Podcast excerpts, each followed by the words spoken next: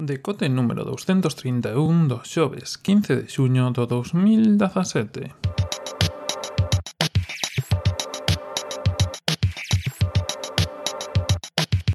Ola, benvidos a esta nova edición do Decote, unha edición de tarde, xa que hoxe vai ser o último decote desta semana, isto xa o faláramos no seu momento, pero tamén vamos a aproveitar este decote para facer un pouco resumo de todo o que nos quedou no tinteiro as dúas últimas semanas. Quero facer isto porque tendo en conta que a semana que ven non vai haber decotes en toda a semana, como xa sabedes, falaremos desto ao final do capítulo de hoxe, pois quería aproveitar hoxe para falar, tratar todas as cousiñas que se nos foron quedando estas dúas semanas, porque a semana pasada tampouco hubo miscelánea, tampouco hubo resumo, venres así de todo que quedou no tinteiro, así que como non quería deixar demasiadas cousas, porque hai bastantes cousas que, que non se falaron por aquí, e algunhas que me gustaría tratar con máis tempo, pero bueno, non quero deixalas aí todas tiradas e sin falar, porque claro, unha cousa non falar unha semana, dúas, pero tres xa se nos vai un pouco a cousa e tamén hai presentacións a semana que ven e bueno, Imos aproveitar este decote hoxe pois para falalo todo, tratalo todo e así xa nos queda todo ben resolto, listo e preparado. Comezamos falando un pouco de Apple e de varias cousiñas que surxiron esta semana e anterior, se non me equivoco, que son basicamente dúas. A primeira, eh, O parecer Tim Cook nunha entrevista a Bloomberg, que tes a entrevista na descripción, como sempre, en podcast.org.net, xa definitivamente confirmou que están traballando nun sistema autónomo para os coches, nun sistema autónomo, que non quere decir nun coche autónomo, quere decir nun sistema. Eh, todo o que indica ou que parece na entrevista, pois é que están traballando, digamos, no software, eh, quizá un pouco a parte tamén de hardware, pero non a do coche enteiro, sino só a da parte de, de autonomía do coche. O sea, sabedes que se viron no seu momento esas caravanas, unos coches grandes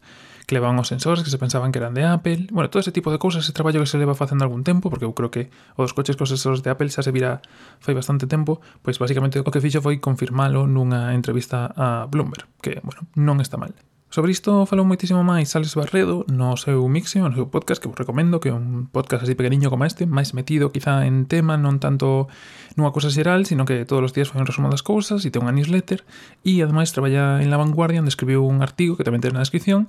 eh, sobre este feito, Apple está trabajando coches autónomos que podemos esperar desta anuncio de, pois un pouco desglosa ou fala das tres opcións que para el ten Apple ne, nesto de dos coches autónomos, tanto meterse a fabricar un, licenciar para outros, non facer nada desto, bueno, todas as opcións. E eh, el, tanto nos seus mixios desta semana como neste artigo, fala máis a fondo de, deste tema e do que pode supoñer. A máis desto, hai outra entrevista tamén en Bloomberg onde Tim Cook eh, fala tanto de Donald Trump como do HomePod, como do legado de Steve Jobs, bueno, bastantes cousiñas. Xa sabes que as entrevistas a Tim Cook, en xeral, a, a Apple e a xente que traballa ali son escasas, así que, que sempre que sai algunha, pois está bastante ben. Curioso que as dúas sexan en Bloomberg, pero bueno, moi interesantes todas, sobre todo, pois, eh, métese de cheo, non son respostas cortas, está, están bastante ben e quedan vos, pois as dúas enlazadas na descripción cada unha a súa, aínda que sobre o sistema de, de coche autónomo, se vos interesa, metedo vos co de, co de la vanguardia, con co texto que, que vos digo de Alex Barredo, porque é bastante máis interesante, xa un pouco resumindo do resumido e vendo un pouco as opcións. Máis cousiñas de coches. Falando de coches, Uber, se sabedes que estivo tamén unha crise, de novo, sobre isto, Alex Barredo estuvo aí todos os días, cada vez que había unha nova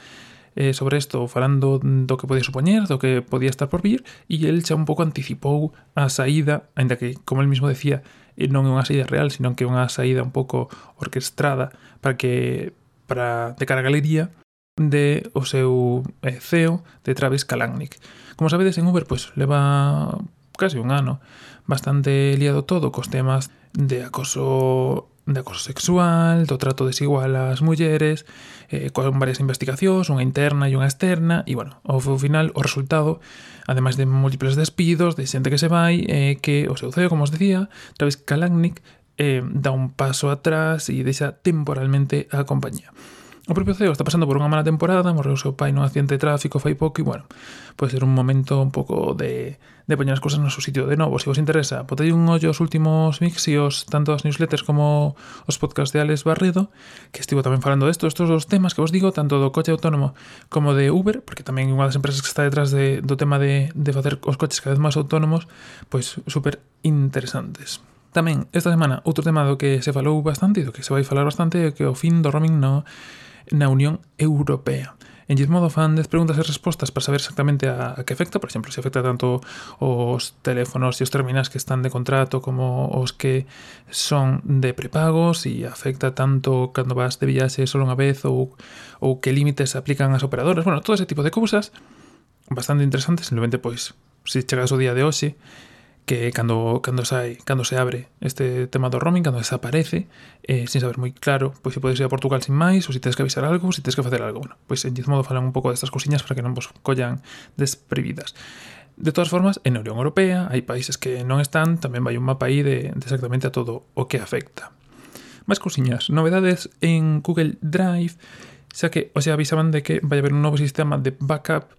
no, no funcionamento normal de G Drive. Como sabes, Google Drive é un sistema pues, como Dropbox para poder subir arquivos e telos na nube e poder acceder a eles desde distintos ordenadores ou plataformas ou ter carpetas compartida, compartidas. e o que fai este novo servizo, pois é eh, que ti lle podes indicar un grupo de carpetas ou unha carpeta que queres ter actualizada e este pois automáticamente sube todo o que haxa nesa carpeta, os cambios ou que sexa a nube. Non exactamente un sistema de backup na nube como si que o de Packplace, que xa falamos por aquí fai un tempo, xa que pois, simplemente está pensado para unha carpeta para certos arquivos. Por exemplo, se si tú estás traballando nun diseño ou algo e tes o arquivo no ordenador e non queres que se perda por ningún motivo, dixe que a carpeta onde están esos arquivos se, se suba a nube automáticamente. E isto o que vai facer? De todas formas, os prezos siguen sendo os de sempre, un tera son 10, 10 dólares, 10 euros e para aí para, para arriba. Se non me equivoco, un tera 10 dólares, 10 euros, 10 teras 100 dólares euros non digo, non hai competencia para Backblaze, se estás pensando nun sistema de backup na nube de todo o que tes no ordenador, Backblaze vai moito mellor, son 5 dólares ou 4 dólares, e o que fai é coller todo o que teñas no ordenador automáticamente, incluídos os discos duros conectados, todo, sin importar o tamaño, e subilo a nube e despois podes acceder aos esos arquivos para baixalos ou, ou para recuperar aqueles que necesites. Isto en Backblaze, xa vos digo, nada que ver. Pero bueno, aí non está mal isto de Google Drive, pois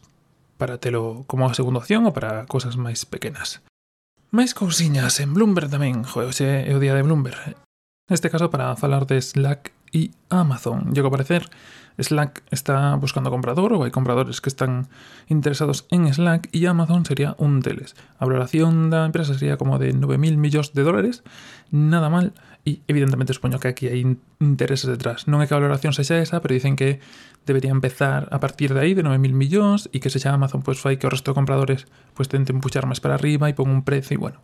pon as cousas un pouco interesantes e de chichilla isto. Slack, que se non o coñecedes, é un sistema de, de mensaxería baseado para empresas, con múltiples canles, bastantes sistemas, bueno, está moi ben pensado, Microsoft tamén ten un sistema, se non me equivoco, chamase Teams, pero bueno, Slack, digamos que é o primeiro, o precursor de Teams, o que estivo sempre ao fronte e está interesante que o queiran mercar agora algunhas empresas como Amazon, que tampouco sei como encaixaría dentro de Amazon, pero bueno, quizá aparte ou noutro, noutro tipo de negocio. Falando de cousas máis recentes, Twitter estreaba hoxe diseño tanto en Android como en iOS como en web. Un rediseño sutil, tirando para o branco, pero bueno, se utilizades en, en a versión web ou as aplicacións para iOS e Android, se o veredes, se non o vedes, tan só tedes que actualizalo desde a Apple Store ou desde a Play Store e reiniciar o teléfono. E xa debería aparecer. Na web tamén está aparecendo aos poucos, de forma gradual, Y bueno, en TweetDeck creo que como es ah, aplicación de iOS o que mercara iOS, perdón, que mercara Twitter en seu momento, pues tamén están facendo pequenos cambios de diseño e se si utilizas Tweetbot, pues nada, está tranquilos que todo vai seguir como sempre. E por último, falar pois de o que vai pasar mentras eu non estou aquí, que, que o OnePlus 5 sairá, presentarase o 20 de xuño, como falan en, Engadget. E esas son todas as cousiñas que tiña por aí pensadas para falar. Oxe, deixo como sempre, todos os enlaces na descripción en podcast.algue.net Dicirvos que mañá ás 8 habrá tamén algunha cousiña. Mm, Vades necesitar algo máis de atención que só os oídos, quizás tamén a vista. E recomendarvos que me sigades en redes sociais, en Instagram e en Twitter, sobre todo, porque, bueno, estaremos por aí, iremos subindo cousas. No vídeo que sai mañá explicos un pouco como van ir as cousas. E, e por as redes sociais pois que tamén andarei activo. Sobre todo que vos digo, Instagram e Twitter, sobre todo Instagram supoño porque tendo internet ali é un vicio bastante bastante gordo andar subindo fotos. Por certo, aínda teño que coller o internet ali, pero estou mirando as tarifas e sin comparación con aquí. Por exemplo, ali moitas tarifas de, internet 3G ilimitado e o que meten é a limitación de 4G e, bueno, outro mundo e outro mercado. En fin, nada máis por esta semana, nada máis por hoxe. Espero que teñades un bo fin de semana e a semana que ven. E vémonos mañá ás 8, pero en esa ocasión tamén debe despois a min. Nada máis por hoxe, nada máis por esta semana. Volvemos a vernos dentro de un tempiño. Un saúdo e ata a próxima.